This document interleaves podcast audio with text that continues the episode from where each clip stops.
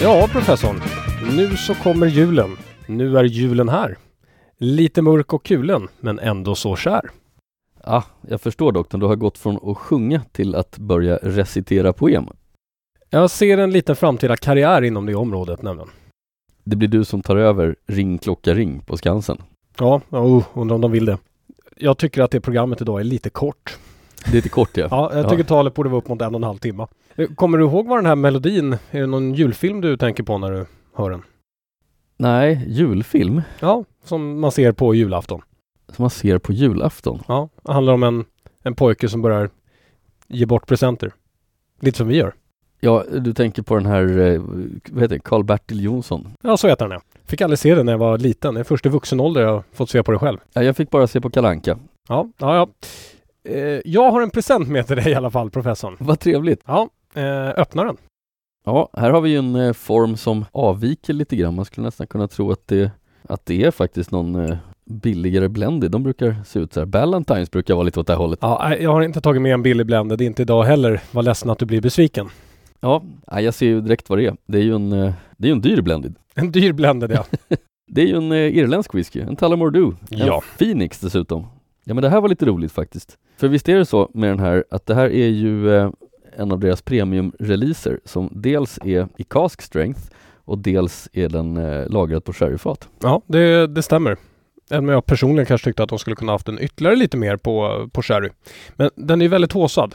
I tidningar, bloggar, alla sådana saker så ser man att Tullamore Phoenix, det tycker de irländska drickarna är någonting alldeles speciellt.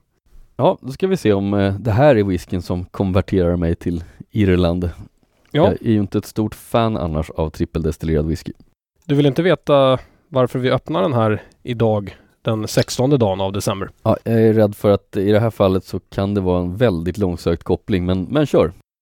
Ja, alltså det var lite svårt, så kan vi säga. Framförallt det som jag skulle ha den på ett annat datum och så glömdes det bort och så, ja. Men ehm, jag har dragit kopplingen så här. Det händer ingenting i Irland överhuvudtaget, varken den 16, 17, 18, 19, för jag har letat efter varenda event som existerar. Så jag fick ta ett ur mitt egna huvud.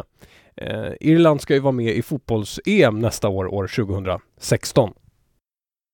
Ja, de ska vara med. De ska inte hålla i det på, eller arrangera det här på något sätt. De ska vara med. Nej, de ska vara med och förmodligen åka i, i gruppen som de alltid gör.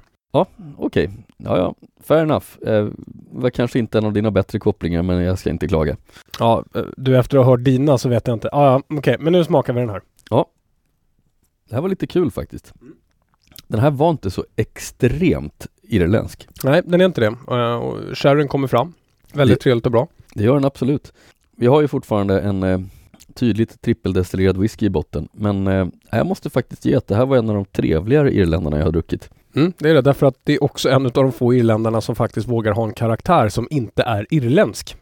Ja, jag tycker väl fortfarande att den är i viss mån irländsk, men, men eh, nej, det är maskerat bra av sherry. Mm. Vill du köpa den för en hundring? Mm, nej. Nej. Men jag kan absolut förstå varför den här har hypat internationellt för att det här är ju en, en whisky som trots att den är ganska lättdrucken är den inte karaktärslös. Nej, exakt så är det. Nej, jag tycker det här är en bra utgåva från eh, Tullamore Dew och det är bland annat den här som gör att de är bättre än Jameson. Ja men det är de ju inte. Jo, det är de. Mycket bättre. Jag får väl ge att Tullamore Dew är ju faktiskt den mest sålda i Sverige. Ja, det är den. Men Jameson är mest såld internationellt. Jo, men det är ju tydligt vilka har bäst whiskysmak då? Det är ju svenskarna. Jag skulle påstå att det är schweizarna. Schweizarna. Men eh, nu ska vi inte argumentera om det. Till nästa lucka. Skål! Skål!